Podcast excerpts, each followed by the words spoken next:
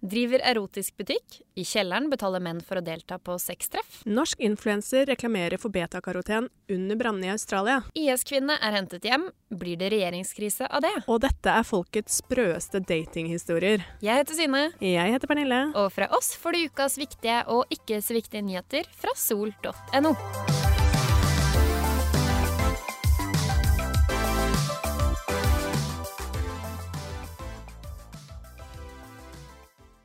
Hjertelig velkommen til Sol snakkes. Vi er i den tredje uka i året. Det har faktisk eh, hølja ned hos oss her i Oslo i hvert fall. Ja, det har vært uvær mange steder i landet den siste uka. Ja, Det har det også. Didrik har jo herja. Eh, og det har også de norske håndballgutta gjort under EM. Eh, de eh, har nå kommet seg videre fra Trondheim og skal nå til Malmö for å spille gruppespillet. De har gjort det overraskende bra. Gikk vinnende ut av sin eh, gruppe med to poeng.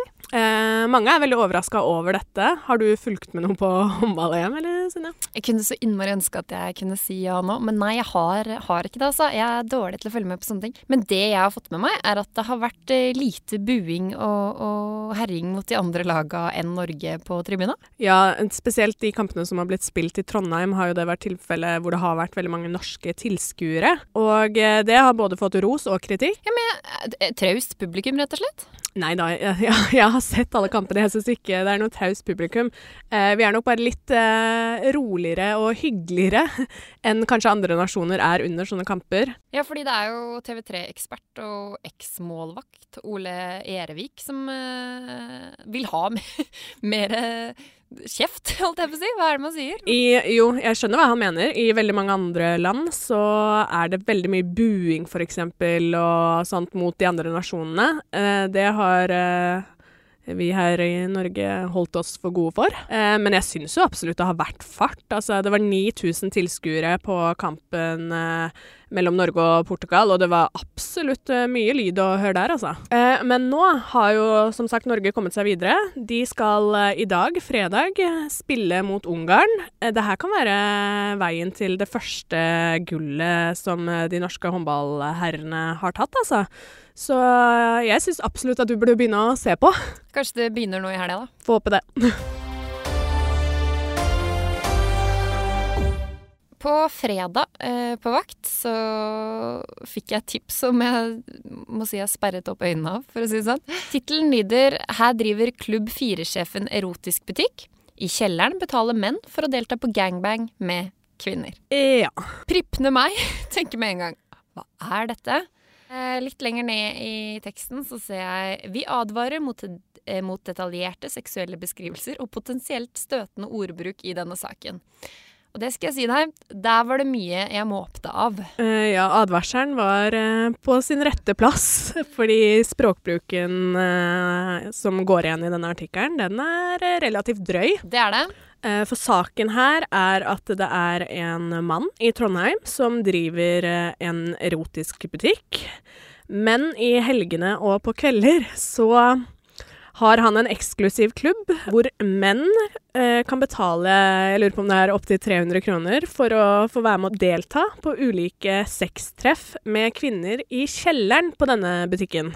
Det stemmer. Saken er et samarbeid mellom eh, gatemagasinet Sorgenfri og Nettavisen. Klubbleder her mener jo at eh, han har alt på det rene, alt han driver med er lovlig, mens advokater mener virksomheten bør politietterforskes. Ja, og eh, vi på desken, eh, som du sa da du sperret opp øynene, eh, vi gikk alle en runde før vi fant ut at den saken her må vi jo ha. Redaktøren vår ringte redaktøren i Sorgenfri for å høre. I og med at det er såpass drøye påstander som kommer frem i saken, og det er anonyme kilder, to jenter som står frem anonymt, så er det her litt sånn Man må være litt obs på når man jobber i en redaksjon som vi gjør òg. De har også gjort en gjennomgang som viser at fra januar 2017 til oktober 2019 er det blitt gjennomført eh, veldig mange forskjellige sextreff. Jeg velger å ikke si hva sextreffene heter, fordi det er rett og slett litt for drøyt språk for meg. Men hvis du vil eh, gå inn og lese saken, så, så er jo det 100% mulig, og der ser du alt uten filter, for å si det sånn. Og greia her er at det er mennene som må betale for å eh, være med på disse sextreffene, mens kvinnene visstnok eh, stiller opp eh, frivillig, og de må ikke betale. Sorgenfri har snakket med to spesielle jenter som hevder at de har fått betalt for å stille opp eh, på ulike sextreff. Dette hevder klubbeieren at eh, ikke stemmer, og han, eh, selv om kildene i saken er anonyme, så har han fått eh, Han er veldig klar over hvem to jenter det dreier seg om. Det er litt ord mot ord her, altså. Begge de to jentene som, eh, som de har snakket med, sier jo begge to at de gikk på Nav på dette tidspunktet, og at de hadde lite penger, og så jo på dette som et, et greit tiltak for å få inn litt mer. Eh, mens eh, han klubbleder sier jo at, eller avviser jo å ha spurt kvinnen om, om de vil selge sex i det hele tatt. Og han sier også at han ikke visste at eh, jentene gikk på Nav. Nei, så hvis det her er tilfellet at uh, jentene faktisk har fått betalt, så dreier det seg jo selvfølgelig om ulovlig virksomhet. Men om han forteller sannheten, så, og at uh, det her uh, jentene stiller opp frivillig og det medlemsavgiften går til er kun vasking og diverse, så har han alt på sitt rene. Mm, men advokat Sjak Håheim mener at denne virksomheten er i en gråsone og bør politietterforskes.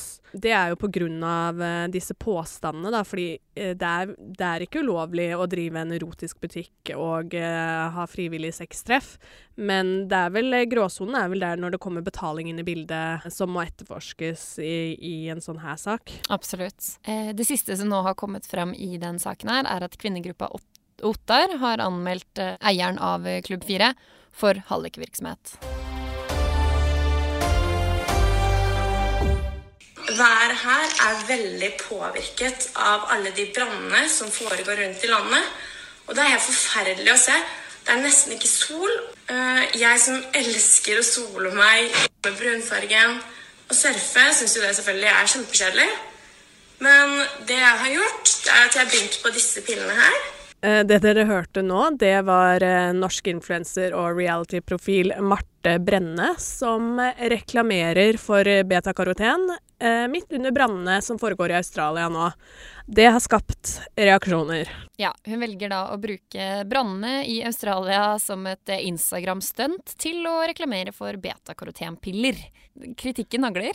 det gjør den. Mats Hansen har jo plukka opp på dette. Han er jo selv en Eh, hva skal vi kalle han? En Instagram-profil, han òg. Og eh, spesielt etter at han plukket opp dette, så har jo reaksjonene fossa inn. Eh, hun har fått eh, ekstremt mye hat.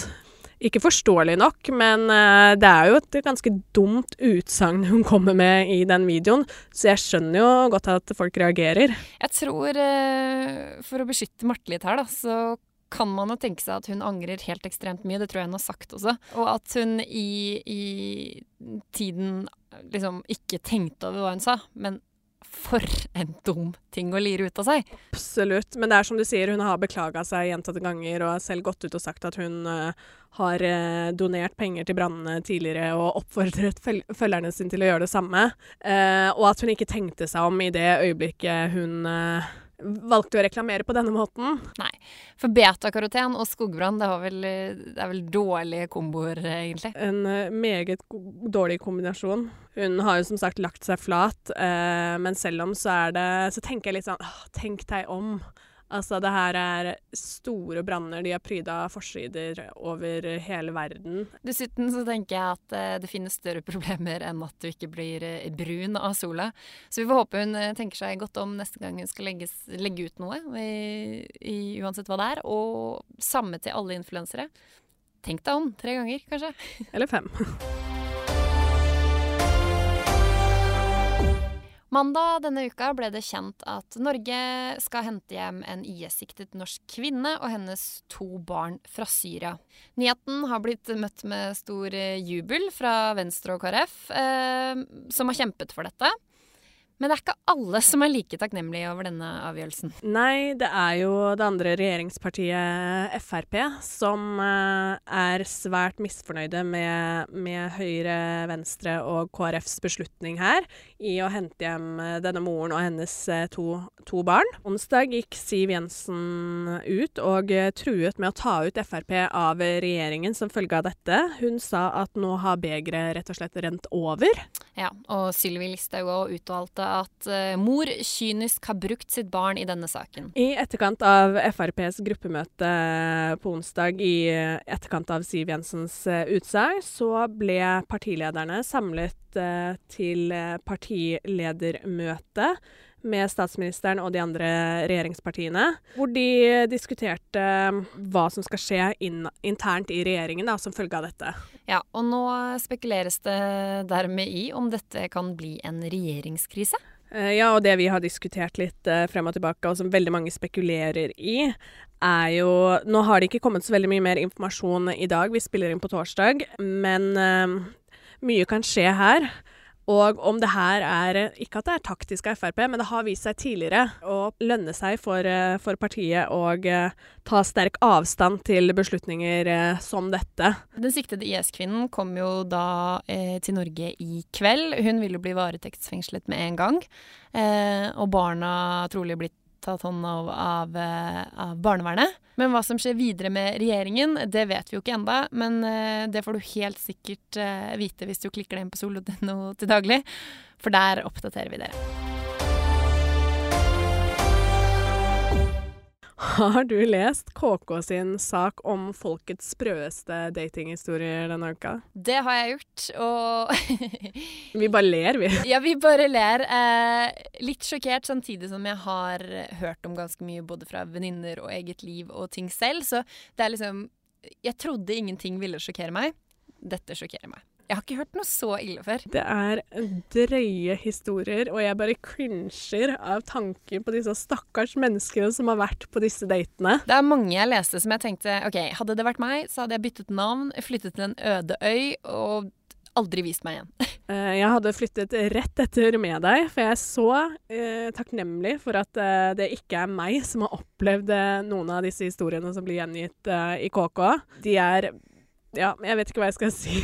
For her er det både toaletter som måtte ha blitt byttet ut etter dater, og menn som har uh, bare dukket opp kliss nakne.